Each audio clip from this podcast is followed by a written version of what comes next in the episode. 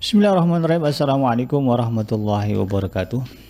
Bersyukur kepada Allah dengan mengucapkan Alhamdulillahirrahmanirrahim dan bersalawat kepada Nabi dengan mengucapkan Allahumma salli ala Sayyidina Muhammad wa ala ali Sayyidina Muhammad. Kembali berjumpa di udara di gelombang 1044 AM iDream Radio Successful Muslim Family dalam program live ngaji from home bersama uh, guru kita Al Ustaz Abdullah Haidir LC yang insya Allah pada kesempatan ini akan melanjutkan pembahasan uh, tema tentang fikih pernikahan dan kali ini kita akan masuk ke bagian yang kelima di mana uh, kita akan sama-sama mendengarkan uraian tentang macam-macam akad nikah. Uh, untuk itu bagi anda sahabat Aidrim Radio yang ingin mungkin nanti bertanya atau berdiskusi dengan guru kita terkait dengan uh, materi yang disampaikan, silakan anda bisa bertanya melalui nomor WhatsApp di 0822 1044 atau ada yang menyaksikan kita melalui channel YouTube bisa langsung menulis pertanyaan di kolom komentar dan insya Allah segala pertanyaan yang masuk akan kita sampaikan kepada guru kita sebatas waktu yang beliau berikan nanti.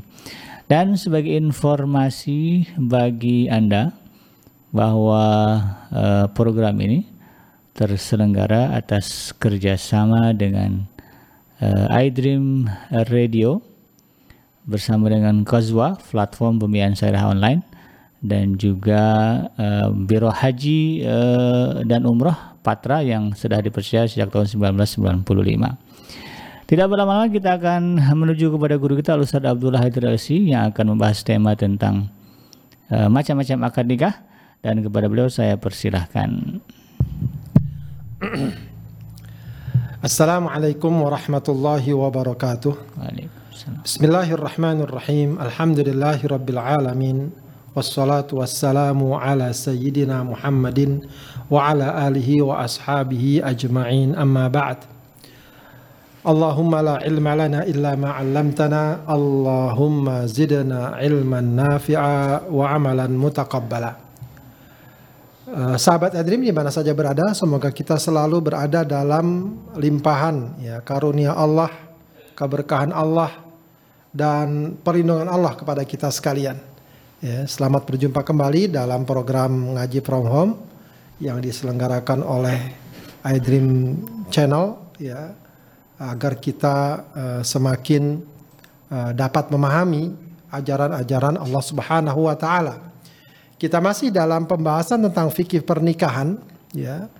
Akan kita bahas tentang macam-macam akad nikah ya. Sebelumnya sudah kita bahas ya uh, uh, praktek akad nikah yang kalau dapat kita katakan praktek akad nikah yang ideal ya.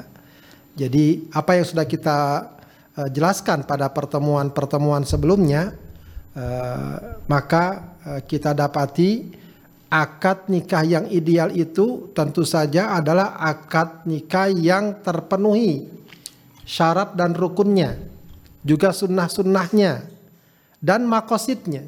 Ya, maksudnya tujuan dari pernikahan itu.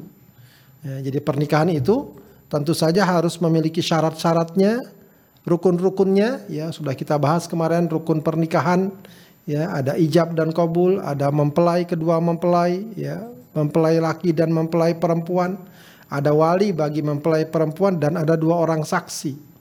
Ya kemudian juga Uh, di sana ada mahar ya dan disunahkan untuk disebutkan maharnya ya dan ada syarat-syarat yang dituntut bagi seorang wali, bagi seorang saksi dan juga kedua mempelai.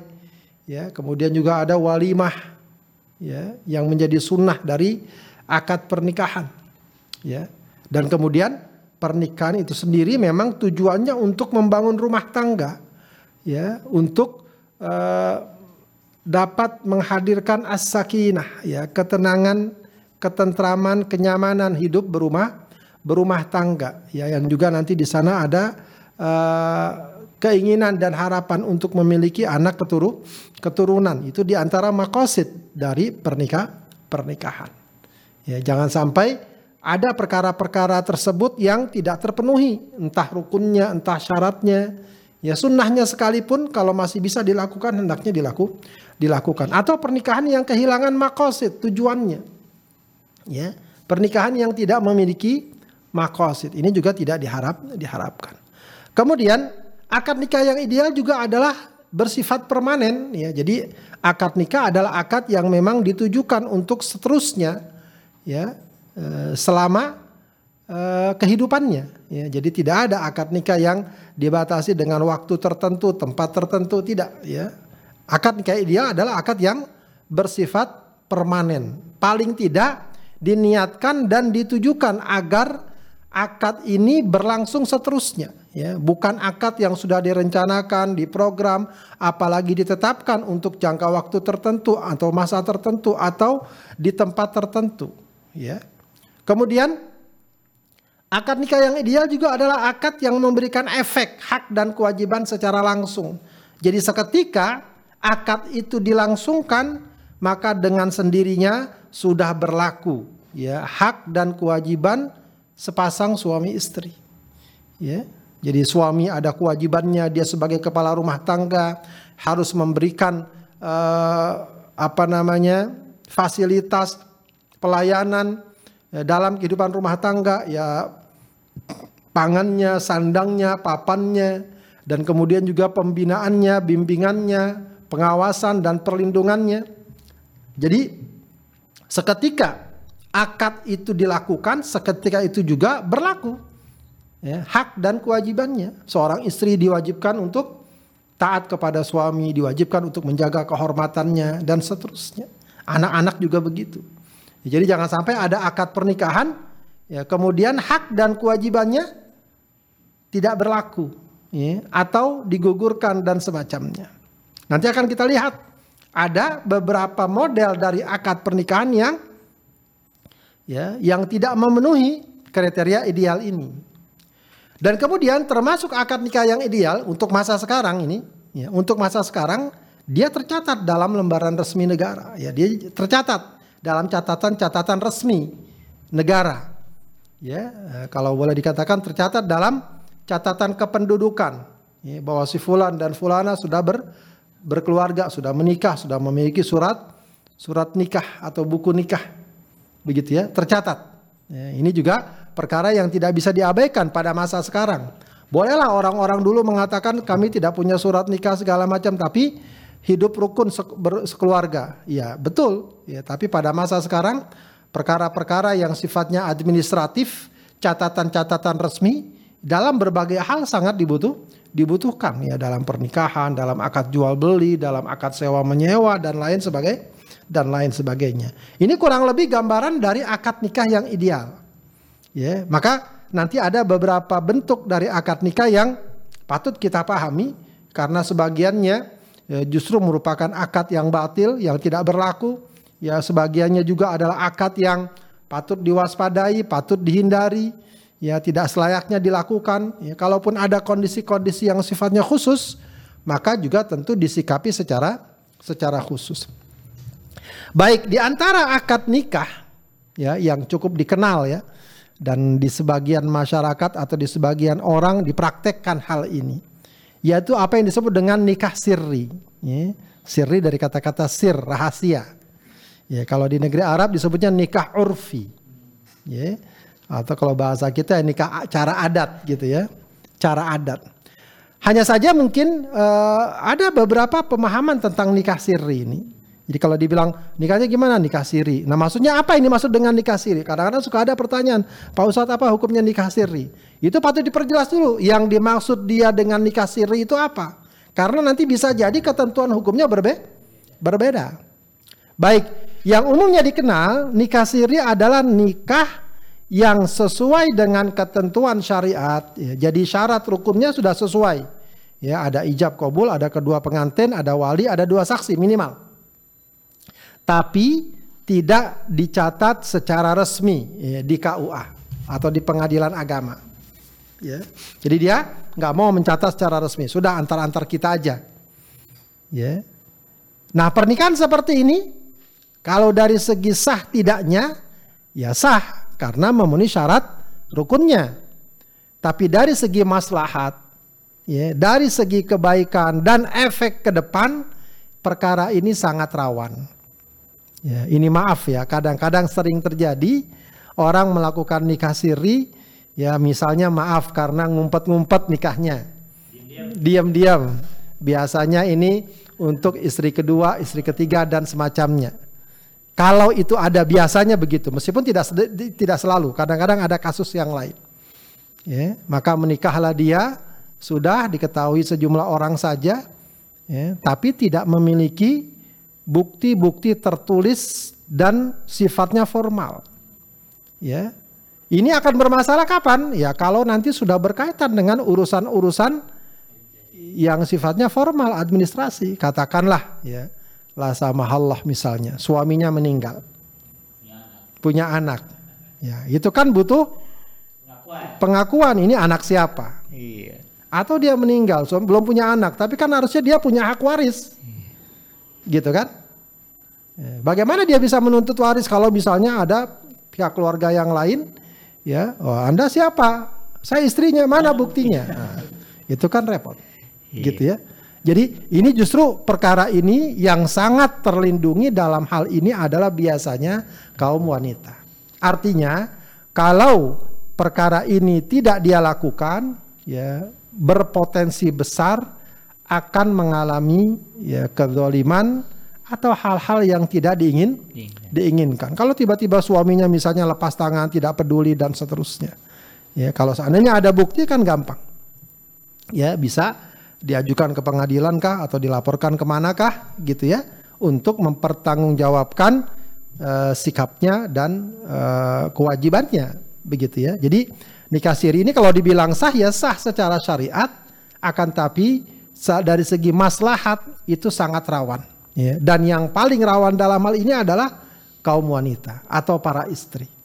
Ya, karena itu memang e, sedapatnya pernikahan itu e, ditetapkan keabsahannya secara formal, secara undang-undang dicatat dalam pencatatan-pencatatan res, resmi. Itu yang kemarin kita katakan dalam bab akad nikah terkait dengan kehadiran eh, bapak-bapak uh, gitu ya atau staf dari uh, pejabat KUA atau uh, peradilan agama untuk melakukan pencatatan res resmi.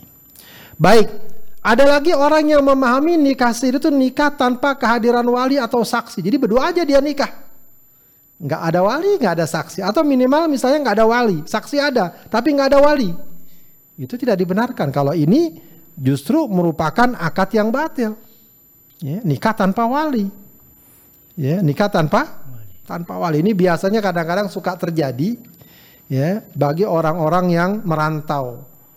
Ya, ada seorang wanita misalnya kerja di luar negeri, rupanya di sana dia eh, ya apa namanya? ada keinginan menikah atau ada ingin menikahinya maka nikahlah. Orang tuanya tidak tahu.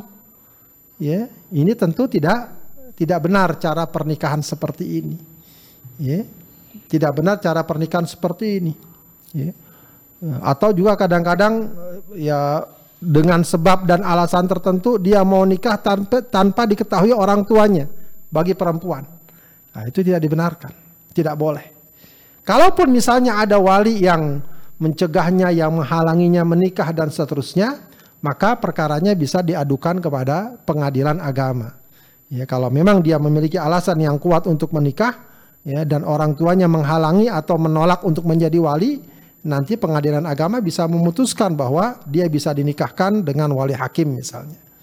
Yang penting nikah harus dengan wa dengan wali atau saksi. Ya, saksi. Ya, kadang-kadang ada nikah begitu saja tanpa ada saksi. Ini juga perkara yang kadang-kadang disebut sebagai nikah siri. Kalau nikah seperti ini, nikah sirinya seperti ini maka tidak sah nikahnya. Kalau yang tadi masih sah. Hanya saja uh, maslahatnya sangat rawan. Kemudian ada lagi nikah sesuai ketentuan syariat tanpa melaksanakan walimah. Ya, kadang-kadang ada juga seperti itu. Ya udah nikah saja dah ya asal uh, sudah sah menurut syariat, sah menurut undang-undang, nggak usah walimah. Walimah tuh nggak usah dirame-ramein. Yeah. Ya, kalau orang Depok bilang seturu-turu aja gitu ya. Ya, sekeluarga aja. Nah, itu nggak apa-apa.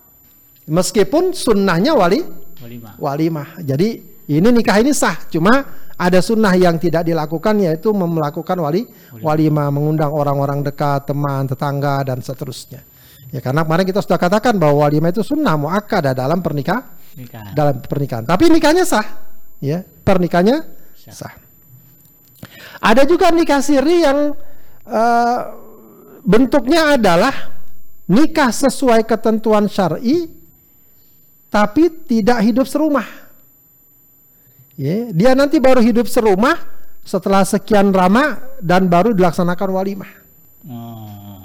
Ya, ini yang saya tahu ini banyak di eh, di di negeri-negeri Arab.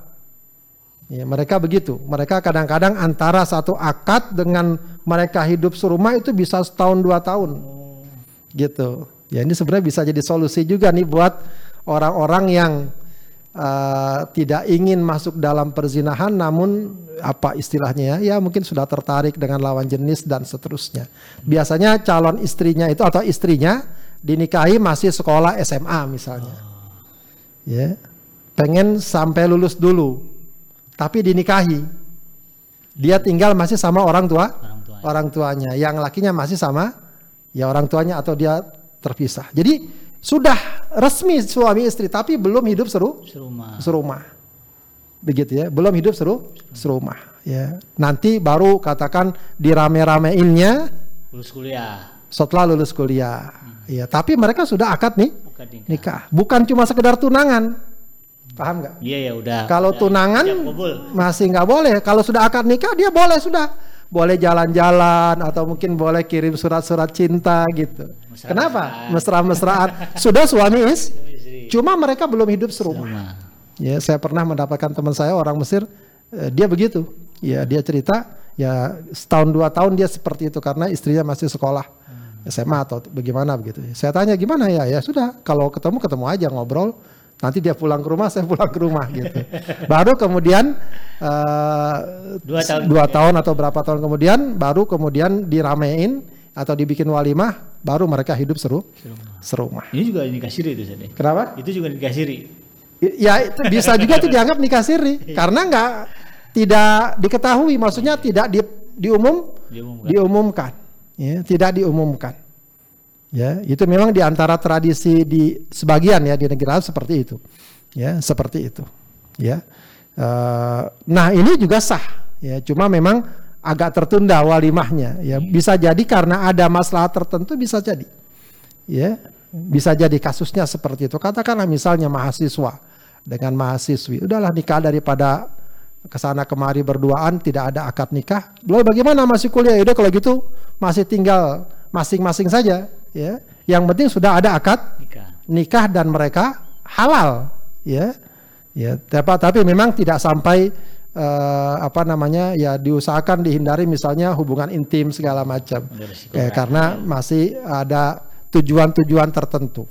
Ya, baru nanti kalau sudah siap semuanya, mungkin sudah lulus kuliah atau sudah siap, ya mereka eh, hidup serumah dan melaksanakan walimah untuk mengumumkan pernikahannya. Nah, nikah siri seperti ini diboleh, Boleh dibolehkan. Jadi memang kalau ditanya nikah siri itu bagaimana hukumnya, memang patut diperjelas dulu, dipertegas dulu, ya apa yang dimaksud dengan nikah siri. Meskipun eh, biasanya memang yang dimaksud dengan nikah siri adalah nikah yang dilakukan sesuai dengan ketentuan syariat, ya, namun tidak dilakukan pencatatan res, resmi ya di KUA.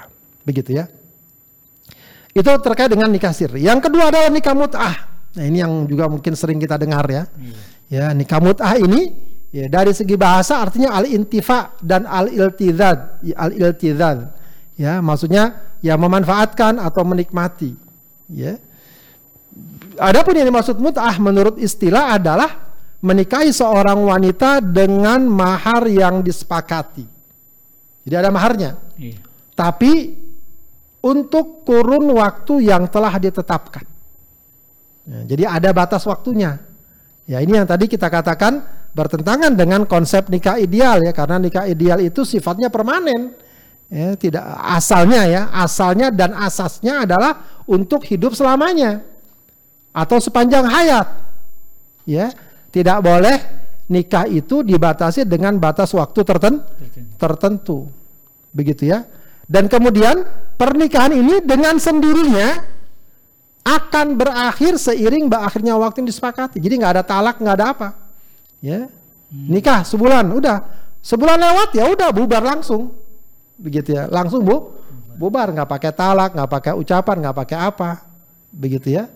Ya ini uh, memang terkenal sebagai nikah mut nikah mut'ah. Ya. Nah, tentu saja uh, sering kita uh, diingatkan dan diberikan pelajaran bahwa para ulama ahlu sunnah wal jamaah sepakat menyatakan bahwa nikah mut'ah itu diharamkan, hmm.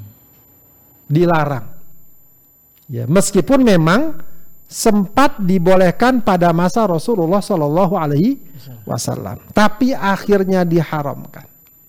Ya, berdasarkan nas syariat yang jelas dan juga ya, karena ini nikah bertentangan ya selain bertentangan dengan nas syariat yang jelas juga bertentangan dengan tujuan pernikahan. Tujuan pernikahan bukan sekedar untuk bersenang-senang, tapi agar dapat hidup bersama, menghadirkan sakinah, begitu ya. Belum lagi nanti dengan mengharapkan keturu keturunan. Dengan nikah mut'ah semua itu tidak terwujud. Ya, tidak teru terwujud. Allah katakan dalam Al-Qur'an surat Ar-Rum ayat 21 wa min ayati an khalaqalakum min anfusikum azwajal litaskunu ilaiha wa ja'ala bainakum mawaddatan wa rahmah. Ya, dan di antara tanda-tanda kekuasaannya adalah apa? Dia menciptakan untuk kalian istri-istri dari jenis kalian sendiri litas kunu ilaiha supaya kalian sakinah. Sakinah itu tenang, ya, senang dengan mereka. Wa ja'ala bainakum mawaddatan warahmah dan kemudian dijadikan pula rasa uh, kasih sayang di antara kalian. Inna fi dzalika laayatil liqaumin yatafakkarun. Ya. Nah, uh, keluarga itu adalah agar kita tenang, tentram, hidup dalam uh, keluarga. Bukan sekedar seminggu, sebulan lepas bubar, tidak itu tidak sesuai dengan maqasidus syariah fin, fin nikah. Di samping beberapa hadis-hadis Rasulullah SAW menjelaskan bahwa nikah mut'ah ini pada akhirnya dilarang dan diharamkan oleh Rasulullah SAW. Wan Salamah bin Al-Aqwa dari Salamah bin Al-Aqwa radhiyallahu anhu qala dia berkata rakhasa Rasulullah sallallahu alaihi wasallam ama autasin fil mut'ah. Rasulullah memang pernah memberikan keringanan pada tahun Autos. Jadi ada uh, tahun di mana terjadi apa namanya perang Autos itu setelah Fatu Mekah beberapa saat begitu ya. Dan saat itu Rasulullah memberikan keringanan untuk melakukan mut'ah. Salah satu ayam selama tiga hari. Tapi thumma naha anha. Akhirnya kemudian Rasulullah melarang melarangnya. Ya, dan juga dari Ali radhiyallahu an, nah Rasulullah SAW anil mut'ati ama khaybar Ya, kata Rasulullah bahwa kata Ali bin Abi Thalib bahwa Rasulullah melarang perbuatan mut'ah atau nikah mut'ah pada tahun terjadinya perang Khaybar. Ini juga didukung oleh riwayat yang diriwayatkan oleh tujuh perawi ya kecuali Abu Daud ya juga dari Ali anna Rasulullah SAW naha an mut'atin nisa ya Rasulullah melarang mut'ah kepada wanita wan aklil humuril ahliyah dan makan uh, daging keledai ya yauma Khaybar pada tahun terjadinya perang perang Khaybar. Ya, jadi eh, ini sangat jelas ya larangan-larangan Rasulullah Sallallahu Alaihi Wasallam ya meskipun memang sempat dibolehkan ya itu sifatnya sementara sementara ya Ya, juga ada riwayat dari uh, Muslim juga dan lainnya an Rabi bin Saburah an Abi radhiyallahu anhu anna Rasulullah sallallahu alaihi wasallam qal Rasulullah bersabda inni kuntu adzintu lakum fil istimta'i minan nisa. Dulunya aku ya mengizinkan kalian melakukan mut'ah kepada wanita wa innallaha qad harrama dzalika ila yaumil qiyamah. Ya dan kemudian Allah Subhanahu wa taala mengharamkannya hingga hari kiamat. Faman kana indahu minhunna syai'un falyuhilla sabil falyuhalli sabilaha. Ya. Wala ta'khudhu mimma ataitumuhunna syai'a. Ya. Jika masih ada di antara kalian yang melakukan itu maka lepaskanlah dia ya dan jangan ambil apa yang telah kalian berikan kepada mereka pada mereka. Jadi uh, beberapa hadis menunjukkan bahwa walaupun mut'ah sebelumnya dibolehkan tapi itu sesaat saja ya, dan kemudian yang ada adalah Rasulullah melarang nikah mut'ah tersebut. Karenanya para ulama sepakat untuk mengharamkan nikah mut'ah dan nikah mut'ah itu secara dasar batil tidak sah jika itu dilakukan. Ya, ini juga memang harus kita waspadai ya. Ya, karena memang e, di sana ada yang namanya ajaran Syiah yang masih membolehkan nikah mut'ah dan bisa jadi itu dijadikan sebagai salah satu alat cara untuk menarik ya orang-orang agar masuk ke dalam pemahaman dan akidah mereka. Ya khususnya di kalangan para remaja mahasiswa. Sudahlah kamu nggak usah nikah nih ada caranya mut'ah halal syari. Ya. ada tambahan sekarang sekarang apalagi sekarang? Uh, senang dengan kata-kata syariat. Wah ini sesuai nih nikah syari.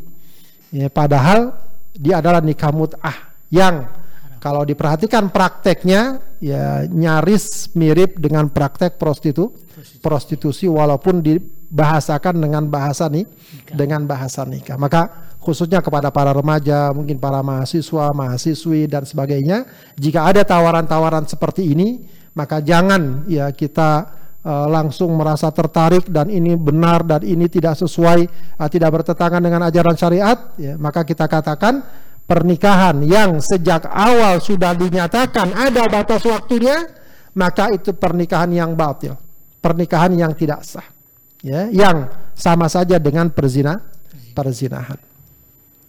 Kemudian ada lagi yang disebut dengan nikah syigar, ya, syigar. Ya. Nikah syigar ini adalah nanti dijelaskan dalam hadisnya. Jadi memang ada nas atau uh, teks hadis yang berbicara tentang pernikahan ini. Wa an nafi Ani bin Umar qala dari Nafi dari Ibnu Umar dia berkata, "Nah Rasulullah sallallahu alaihi wasallam anis syighar." Rasulullah melarang dari pernikahan syighar. Was syighar apa? An yuzawwijar rajulu ibnatahu ala an yuzawwijahul akharu ibnatahu wa laisa bainahuma sadaqun. Ya, ini mungkin dari segi praktek uh, jarang ya. Entah saya belum pernah mendapatkan ya yaitu uh, bisa jadi pada masa Rasulullah ada praktek seperti ini yang tujuannya adalah untuk menghindari memberikan uh, mahar kepada istrinya. Jadi nikah syigar itu adalah uh, seseorang seorang laki-laki menikahkan putrinya kepada orang laki-laki lain. Jadi katakanlah seorang bapak, dia punya putri. Ya, dia nikahkan kepada laki-laki lah, laki-laki lain kan? Si B. Ya, B kepada B ya. Dengan catatan ya, dengan catatan si B juga mau menikahkan putrinya kepada dia. Oh, barter. Eh, barter. Iya. barter putri lah ya. ya. Ini pun dari segi semangat atau apa ya nilai sangat uh, sangat apa bagaimana anak putri itu iya. di, di, ditukar begitu ya istilahnya. Tapi bukan cuma itu. Kenapa tuh begitu laku, dilakukan? Walaisa bainahuma sodak. Udahlah saya jadi nggak ngasih mahar nih ya kepada uh, apa namanya istri saya karena kamu juga menikahi putri saya. Jadi kosong-kosong lah Impas. gitu ya. Impas ya. Ah ini yang dilarang. Itu yang dilarang. Itu yang dilarang. Begitu ya. Itu disebut nikah nikah syiar. Ya meskipun dari segi praktek uh, untuk masa sekarang ini uh, saya kira tidak ada ya. Ya paling tidak saya tidak pernah mendapatkan hal itu. Bisa jadi di masyarakat Arab ketika itu ada praktek-praktek seperti itu yang kemudian Rasulullah larang. larang. Ya karena uh, di sana tentu saja di satu sisi uh, apa namanya mereka menikahkan putrinya dengan uh, dengan syarat uh, suam apa menantunya itu menikahkan ya mungkin sama-sama duda barangkali. Hmm. begitu ya sudah punya ya, sudah punya anak. Gitu ya sudah punya uh, sudah punya anak. Mungkin tidak harus duda juga ya ya karena dia bisa poligami misalnya. Ya uh, tapi dengan catatan tidak memberikan mah tidak memberikan mahar ya kalau seandainya semuanya berjalan normal ya tidak mengapa. Ya seorang nikah dengan uh, putri kita lalu kita menikah dengan putri dia. Hmm. Ya, tidak mengapa. Tidak mengapa. Begitu ya. Dengan catatan eh, masing-masing uh, diberikan maharnya. Kemudian ada lagi ya. Ini juga mungkin uh, di negeri Arab banyak atau ada kasus kayak gini atau sering dibicarakan pada masa sekarang. Ya, bisa jadi juga ada kasus-kasus tertentu. Ya, jadi nikah syiar ini adalah akad nikah yang dilakukan sesuai ketentuan syariat. Jadi syarat rukunnya ada. Hmm. Tapi pihak wanita menggugurkan haknya. Udah saya nggak usahlah dipenuhi uh, hak saya. Misalnya uh, suami saya nggak usah memberikan saya nafkah, atau nggak usah memberikan saya tempat tinggal, nggak usah memberikan, nggak usah bermalam sama saya. Maksudnya bisa ber, nggak bermalam selamanya, atau juga ya waktu bermalamnya beberapa kali saja dan seterusnya. Hmm. Gitu ya. Ini ada kasus kayak gini ada. Ya, misalnya gimana? Ya, misalnya maaf ya, ada wanita terlambat menikah. Sudah daripada saya tidak menikah, menikahilah saya. Kamu nggak usah apa namanya? Beri, berikan nafkah, nggak usah ya katakan jatah bermalamnya nggak usah harus sekian lama, begitu ya. Atau ada juga kasus misalnya seorang wanita harus merawat orang tuanya, ya harus merawat orang orang tuanya, ya. Sementara dia juga mungkin butuh untuk menikah dan seterusnya. Ya, suami mungkin eh, nggak ada, ada yang mau kalau begitu keadaannya. Hmm. Ya udah nggak apa-apa nikahi saya, kamu nggak usah harus berikan nafkah dan lain sebagainya. Yang penting dia punya status sebagai seorang is, istri. sebagai seorang istri. Itu nikah misyar namanya. Hmm. Ya, nikah misyar. Kalau ada kasus-kasus tertentu. Ya, akan tapi para ulama berbeda pendapat soal ini. Ya, khususnya ulama mutaakhirin, ulama pada masa sekarang ini. Ya, antara yang melarang dan yang membolehkan. Ya, yang membolehkan menyatakan bahwa selama akad nikah itu telah dipenuhi syarat dan rukunnya maka dia sah. Ya, ada wali, ada saksi dan lain sebagainya. Ya, perkara suami tidak memberikan uh, kewajibannya kalau suami istri ya telah menggugurkan atau apa istilahnya uh, sudah tidak menuntut haknya ya karena yang dia tuntut adalah bagaimana dia uh, katakanlah punya status sebagai istri begitu ya. Katakanlah dia punya keluar keluarga. punya keluarga begitu ya. Punya keluar punya keluarga. Ya. Nah kalau syarat rukunnya terpenuhi sah. Ya tapi e, sebagian ulama melarangnya itu tidak benar. Kenapa? Itu tidak sesuai dengan makosid tujuan pernikah pernikahan, pernikahan. Ya, tujuan pernikahan hidup berkeluarga sebagaimana umumnya keluar keluarga. Kalau berkeluarga suaminya nggak mau datang atau datang cuma semalam saja dalam sebulan, dalam setahun dan seterusnya itu tidak sesuai dengan tujuan pernikah pernikahan. Yang namanya pernikahan itu suami wajib memberikan nafkah, wajib memberikan fasilitas dan seterusnya. Kalau misalnya kewajiban itu dicabut atau digugurkan, ya seakan-akan keluarga itu jadi bahan permainan begitu barangkali jawab apa namanya uh, alasannya uh, mereka yang melarang pernikahan mis misyar. Begitu ya. Ya, ini memang uh, kasus ya, ya tapi uh, cukup ada perbincangan di sebagian masyarakat di sebagian masyarakat. Begitu ya. Ada juga kemudian akad nikah yang lain namanya nikah dengan niat talak. Ya, ini juga ada juga kasus seperti ini. Ya. Maksudnya adalah seorang laki-laki menikahi seorang wanita tapi dalam hati ini dalam hati. Udah niat talak. Dia udah niat eh saya uh, nikah dia ini uh, cuma sampai setahun aja deh. Atau uh, nantilah kalau waktunya saya harus pulang ya saya akan talak. Ya misalnya ada orang kerja di luar negeri atau di daerah lain di pulau lain ya kerja di sana mungkin selama setahun dua tahun. Dia mungkin ninggalin istri segala macam jauh. Ya e, pulang pun nggak bisa sering. Ya udah ya dia tertarik katakan dengan seorang wanita lalu dia nikahi. Ya, ya karena akhirnya dia pun akan pulang maka dalam hatinya dia katakan saya nikahi dia ya tapi kalau saya pulang dia akan saya talak. Begitu ya. Ya ini e, bisa jadi terjadi Ya, ini maaf kadang-kadang juga kasus-kasus yang suka terjadi turis biasanya. Turis datang ke satu negeri, ya, ke satu daerah.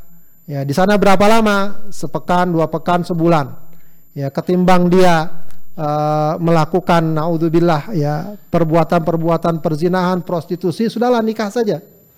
Nikah saja, ya, ya, agar dihalalkan sesuai syariat. Begitu ya. Ya, maka kemudian dia nikah tapi dalam hatinya dia niat nanti kalau sudah waktunya pulang sebulan kemudian saya talak. Begitu ya, saya talak. Baik, bagaimana ketentuan atau kedudukan pernikahan seperti ini? Pernikahannya sih dilakukan dengan syarat dan rukunnya ada walinya ada saksinya dan itu benar misalnya sebab kalau nggak benar juga percuma ya mau nikah apa pun kalau nggak benar walinya kalau nggak benar saksinya nggak akan diterima baik umumnya para ulama menyatakan bahwa pernikahan seperti ini dianggap sah umumnya mayoritas para ulama jumhur ulama tapi ini yang juga harus ditekankan mereka mengharamkannya ya jadi ini ada dua hukum ya. Pernikahannya sah, tapi itu haram. Ya, itu haram. Maksudnya gimana? Kalau dia merasa bersalah dan menyesal, cukup dia bertobat. Pernikahannya bisa dilanjutkan. Gitu ya. Tapi sebagian ulama lainnya menyatakan bahwa pernikahan seperti ini batil, tidak sah. Ya. Maka kalau memang dia bertobat, dia harus nikah ulang lagi kalau tidak ya sudah. Begitu ya. Kalau dia tidak ingin melanjutkan ya sudah berarti tidak ada pernikahan. Pernikahan yang ada dianggap bah dianggap batil. Ya, ini juga tentu saja kembali kepada permasalahan seperti nikah misyar tadi ya. Meskipun syarat rukunnya terpenuhi, namun dari segi niat ya ini yang uh, cukup dikatakan berat ya karena walaupun dia tidak terucap tapi niat itu Ya kalau memang sudah betul-betul menjadi niatnya itu ibarat syarat yang terucap. Ya, ibarat syarat yang yang terucap. Apalagi kalau terucap, saya nikahkan kamu selama saya liburan di sini, selama saya bekerja di sini. Itu mirip dengan nikah mut'ah. Kalau diucapkan itu jelas ya perkara yang dilarang dan pernikahannya tidak sah. Ini yang jadi masalah nggak diucapkan, kan orang juga nggak tahu. Ya, orang juga tidak tidak tidak tahu. Nah inilah yang kemudian juga yang berat dalam masalah adalah masalah moralnya. Ya masalah moral moralnya ya. Kalau ada orang misalnya orang tua putrinya dinikahi oleh laki-laki dan laki-laki itu niat akan mentalaknya, kalau dia misalnya sudah waktunya pulang, biasanya orang tuanya nggak akan mau, nggak akan bersedih, nggak akan bersedia. Ya, mestinya kalau itu uh, tidak bersedia atau kita pun kalau punya putri begitu diperlakukan seperti nggak bersedia ya nggak boleh kita melakukan hal itu kepada orang lah pada orang lain. Ya itu dengan nikah dengan niat talak. Dari segi hukum ya sekali kita katakan dari segi hukum dia bisa jadi sah kalau memang syarat rukunnya terpenuhi. Tapi paling tidak para ulama mengharamkan praktek seperti ini karena hal ini merupakan gambaran dari sikap mental yang tidak bagus ya. Tujuan yang tidak baik dan tidak sesuai dengan makosid makosidus syariah fin nikah ya. Makosid atau tujuan syariat dalam masalah pernikah dalam masalah pernikahan. Kemudian yang terakhir adalah nikahul muhallil ya ini juga uh, sempat disinggung uh, oleh Rasulullah Shallallahu Alaihi wasallam atau dalam hadis Rasulullah sallallahu alaihi wasallam wa ibni Mas'udin radhiyallahu anhu qala dari Ibnu Mas'ud radhiyallahu anhu dia berkata la'ana Rasulullah sallallahu alaihi wasallam al muhallila wal muhallala lahu. Ya rawahu Ahmad wa Nasai wa Tirmidzi wa wa sahahu fi wa fil bab an Ali an Aliin akhrajahu al arba'atu illa Nasai ya dari Ibnu Mas'ud dia berkata la'ana Rasulullah sallallahu alaihi wasallam Rasulullah Shallallahu Alaihi Wasallam melaknat al muhallil. Al muhallil ini orang yang menyuruh ya. Ya maaf, orang yang uh, melakukan ya, melakukan kalau bahasa kita boleh bilang joki lah begitu ya. Uh, jadi kesimpulannya ini kan kaitannya seperti yang pernah kita bahas kemarin bahwa orang seorang suami kalau sudah mentalak tiga istrinya maka ist, mantan istri itu nggak boleh dia rujuk kecuali dengan apa? Nikah dulu. Kecuali kalau istri nikah dulu dengan orang lain lalu digauli lalu dicerai gitu ya dan habis masa iddah. Nah kemudian orang yang mentalak tiga itu pengen menikahi mantan istrinya itu. Sementara nggak boleh dia menikahi kalau istrinya belum nikah sama orang lain. Maka dia suruhlah orang, udah kamu nikahi mantan istri saya, tapi jangan lama-lama gitu ya. Sebulan lah. Ya udah digauli segala macam diceraikan. Nah itu muhalil, dibayar untuk keperluan itu dibayar. Begitu ya, dia ceraikan. Nah maka kata Ibnu Mas'ud, Rasulullah melaknat al muhalil wal muhallalalahu. Ya maksudnya orang yang uh, dijokiin lah ya sehingga dengan perbuatan muhalil ini orang tersebut nanti merasa bahwa dia merasa sah atau dianggap sah untuk menikahi kembali mantan istri, mantan istrinya yang sudah ditalak di, yang sudah ditalak tiga, begitu ya.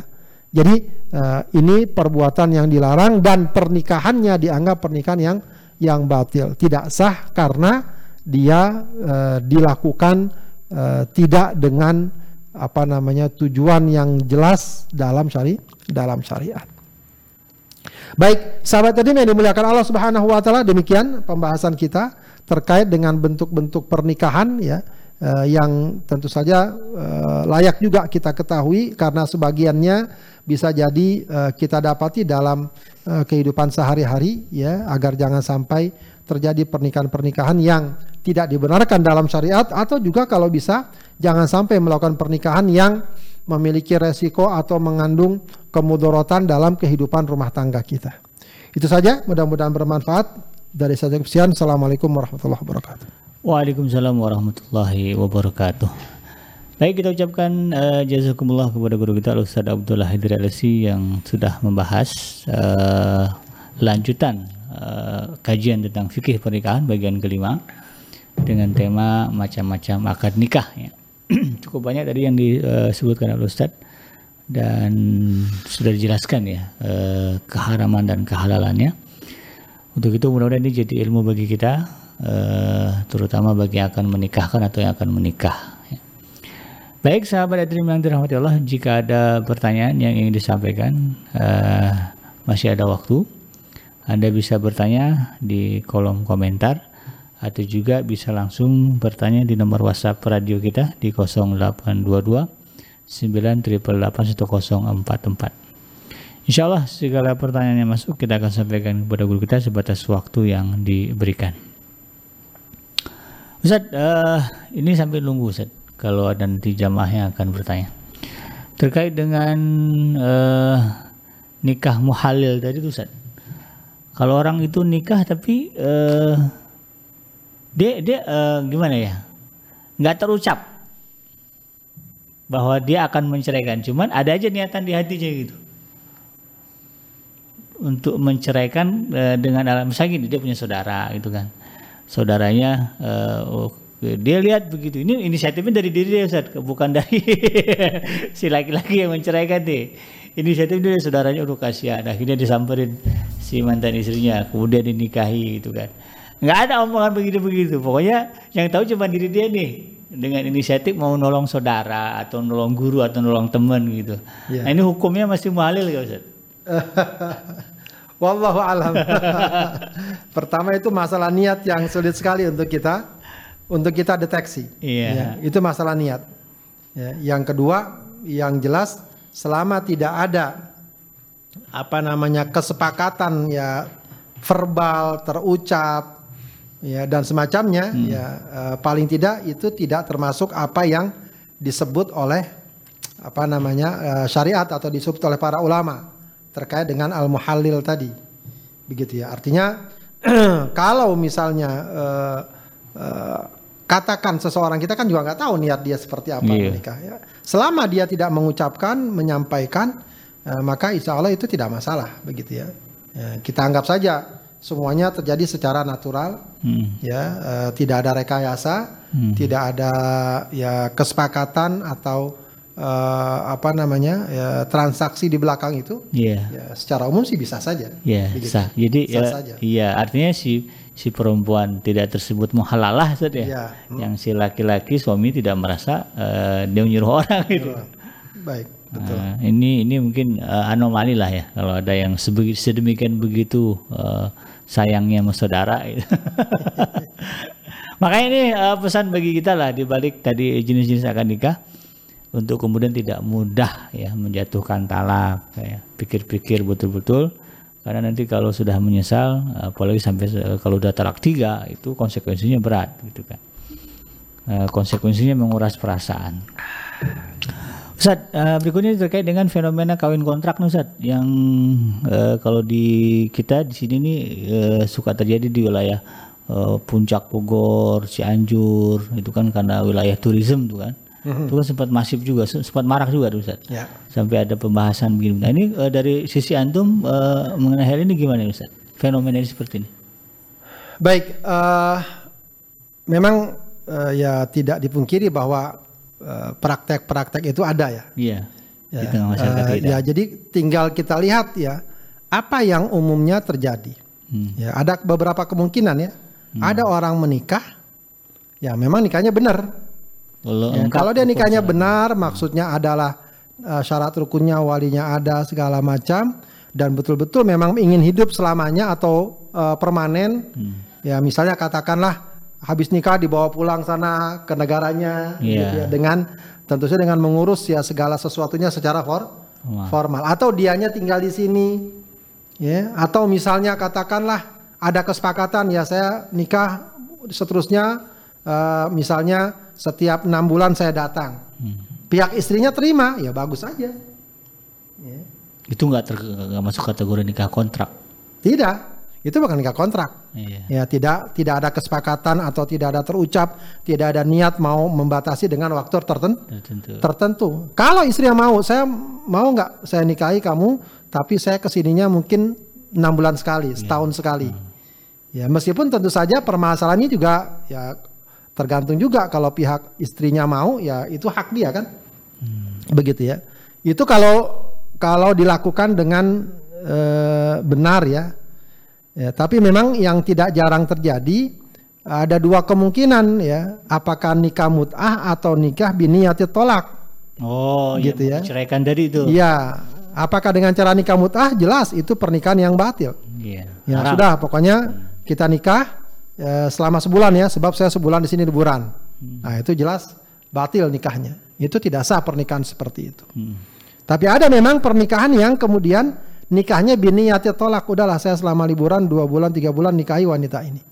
Begitu ya. Nanti kalau saya pulang saya ceraikan dalam hatinya. Nah itu para ulama mengatakan walaupun pernikahan itu sah tapi diharamkan ya karena itu tidak sesuai dengan makosid Maqasid an nikah. nikah begitu ya makosidun nikah. Bahkan sebagian ulama mengatakan akadnya juga batil ya akadnya batil. Dan eh, tampaknya perkara ini lebih banyak mudaratnya. Ya karena wallahu alam ya saya tidak tahu detail permasalahannya cuma dengar berbagai macam info ya kesannya sudah jadi apa istilahnya ajang bisnis dan semacamnya. Ya di mana eh, dengan sengaja ada pihak-pihak yang menawarkan yang menyediakan dan lain sebagainya. Ya lalu dikemas seakan-akan ini nikahnya sesuai syar'i. Kemudian biasanya pernikahan seperti ini pernikahan yang sirri juga di lain sisi. Tidak tercatat secara res se- secara resmi. Ya ini pun juga sebenarnya ya mengandung mudarat yang sangat bes Besar. sangat besar. Katakanlah habis nikah terus kemudian mereka eh, hidup serumah lalu kemudian hamil, ditinggal ke negaranya. Siapa yang Tanggung jawab. tanggung jawab?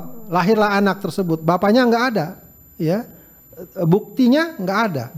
Ya maka itu sangat besar mudarat mudaratnya. Ya maka eh, kalau memakai kaedah secara umum ya bahwa darul mafasid muqaddam min jalbil masoleh semestinya pernikahan praktek-praktek seperti ini ya kalau bisa diawasi, dibatasi, kalau bisa dilarang ya karena eh, perkara seperti ini nantinya akan menimbulkan efek negatif yang sangat ber- berat begitu ya, yang sangat besar bisa jadi akhirnya nanti ada eh, apa semacam ya, lahan ya, maaf ya, lahan bisnis tertentu menyediakan wanita-wanita yang siap dinikahi dengan cara seperti seperti itu. Bisa jadi mungkin juga eh, apakah walinya benar, apakah wanita itu betul betul-betul sah untuk dinikahi. Sebab bisa jadi dia punya suami. Naudzubillah misalnya. ya. Atau katakan dia ditalak tapi ditalaknya masih belum jelas. Masih menggantung. Ya, masih menggantung atau belum idahnya belum habis atau apalah. Ya, namanya juga orang dari luar negeri kan nggak tahu, nggak bisa mendeteksi. Iya. Ini benar-benar nggak ini, begitu ya. Ya, cuma karena memang hanya urusan-urusan, ya katakanlah masalah-masalah seperti itu orang pengen dapat yang enaknya saja, padahal eh, tidak semestinya demikian, tidak semestinya demikian.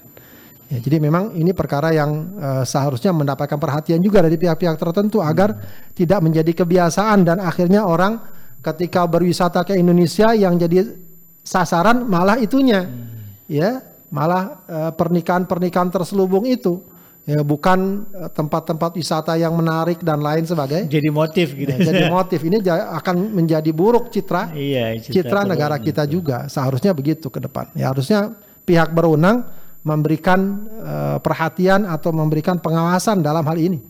Ya bahkan sampai wallahu alam saya sampai mendengar bahwa seketika seorang turis turun di airport Udah ada Jakarta sudah ada itu cala-cala yang menawarkan eh, mau nikah dengan siapa, mau nikah dengan dan lain sebagainya. Sampai seperti itu juga tentu sangat memberikan kesan dan citra buruk yang seharusnya tidak boleh terjadi, tidak boleh terjadi.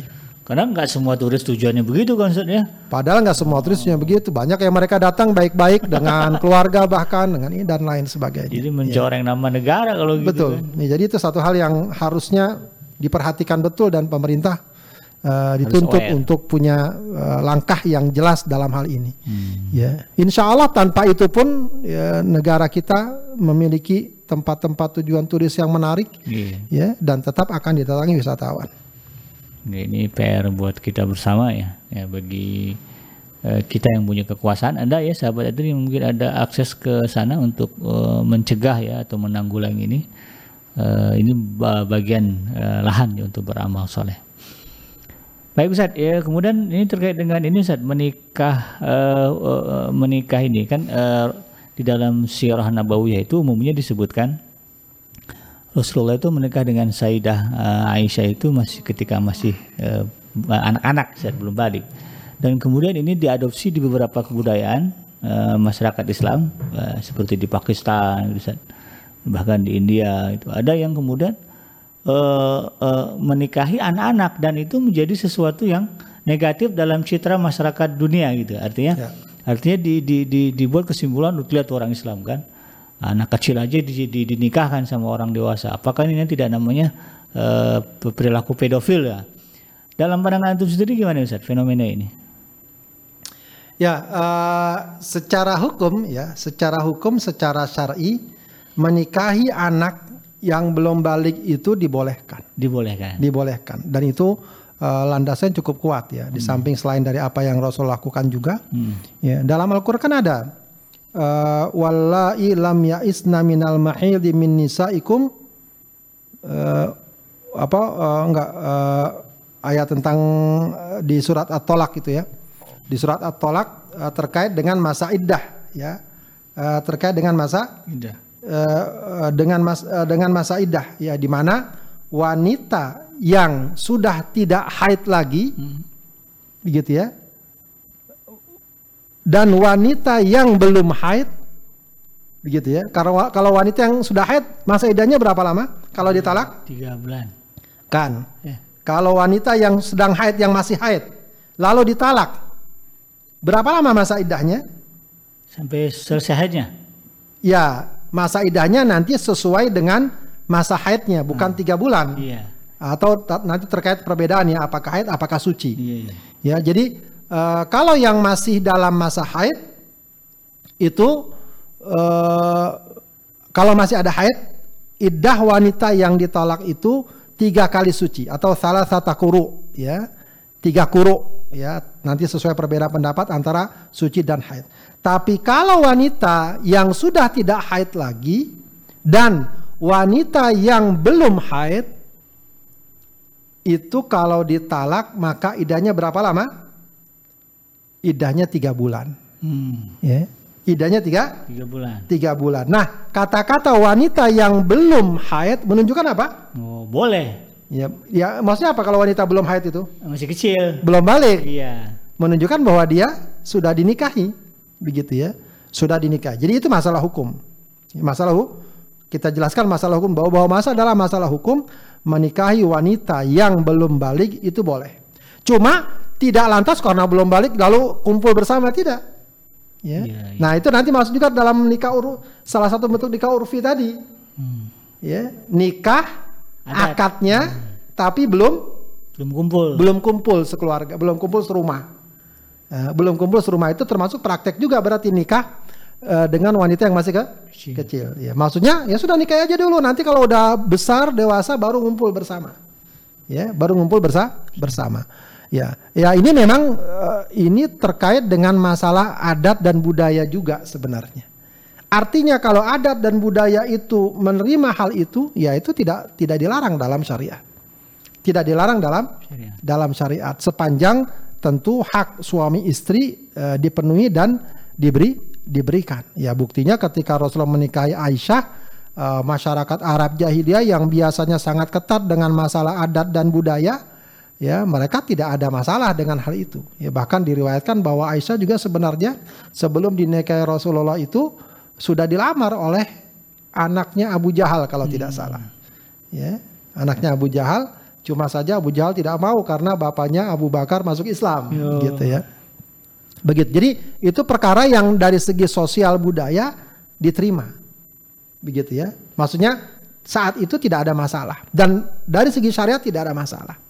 Nah, tentu saja perkara seperti ini juga tidak lantas oh kalau boleh kalau begitu boleh dong ya. Nah, iya, iya. Juga kita pertimbangkan juga masalah-masalah Hurufnya. urufnya uh, di negeri kita seberapa mungkin meskipun ini akan ada perubahan-perubahan ya. Iya, iya. Ya dulu juga di negeri kita barangkali nikah wanita usia 11 tahun 12 tahun biasa. Iya dulu dulu sih. Ya orang-orang tua kita kan begitu juga nikah pada usiamu Mudah. usia muda. Di beberapa negeri Islam itu memang masih ada sekarang. Yang saya pernah dengar itu yang cukup masih biasa begitu di negeri Yaman. Ah, Ya, di negeri Yaman, entah mungkin di Pakistan juga atau di mana begitu ya.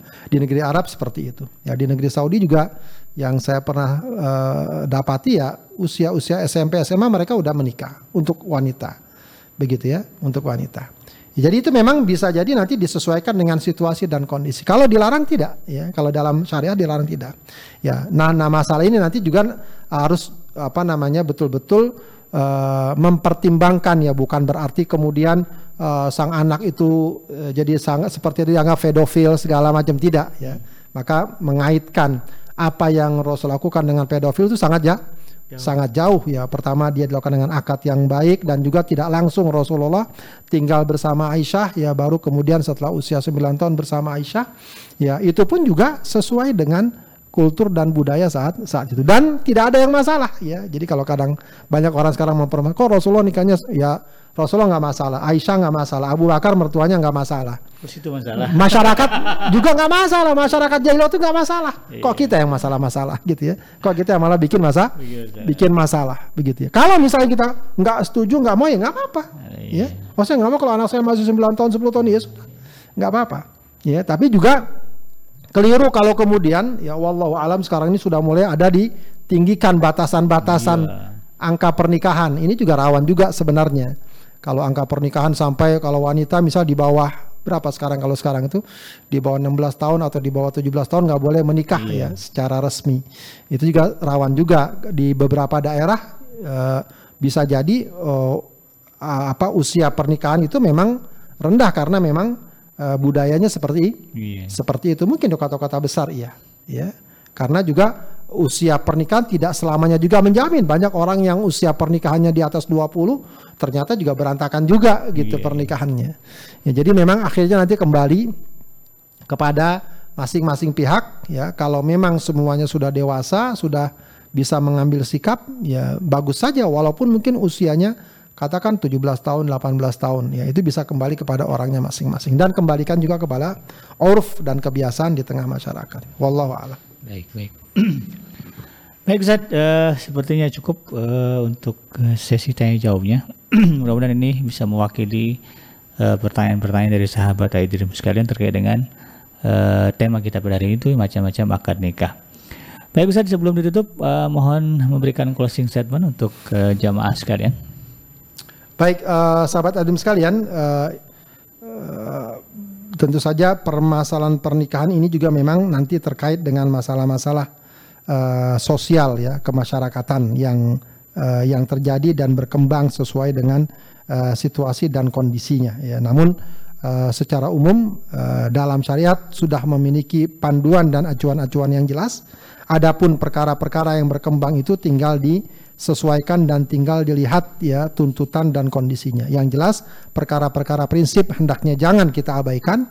Adapun jika ada perkara-perkara yang sifatnya eh, eh, situasi dan eh, situasional gitu ya eh, atau kasuistik ya itu bisa saja mungkin disesuaikan asalkan tidak melanggar aturan-aturan prinsip yang ada. Wallahu a'lam bishawab. Assalamualaikum warahmatullahi wabarakatuh. Waalaikumsalam warahmatullahi wabarakatuh. Demikian sahabat Adrim yang dirahmati Allah di mana pun anda berada tuntas sudah kebersamaan kita dalam program ngaji from home. Uh, mudah-mudahan apa yang disampaikan oleh guru kita Ustaz Abdul Hadir LC bisa kita amalkan dalam kehidupan kita sehari-hari.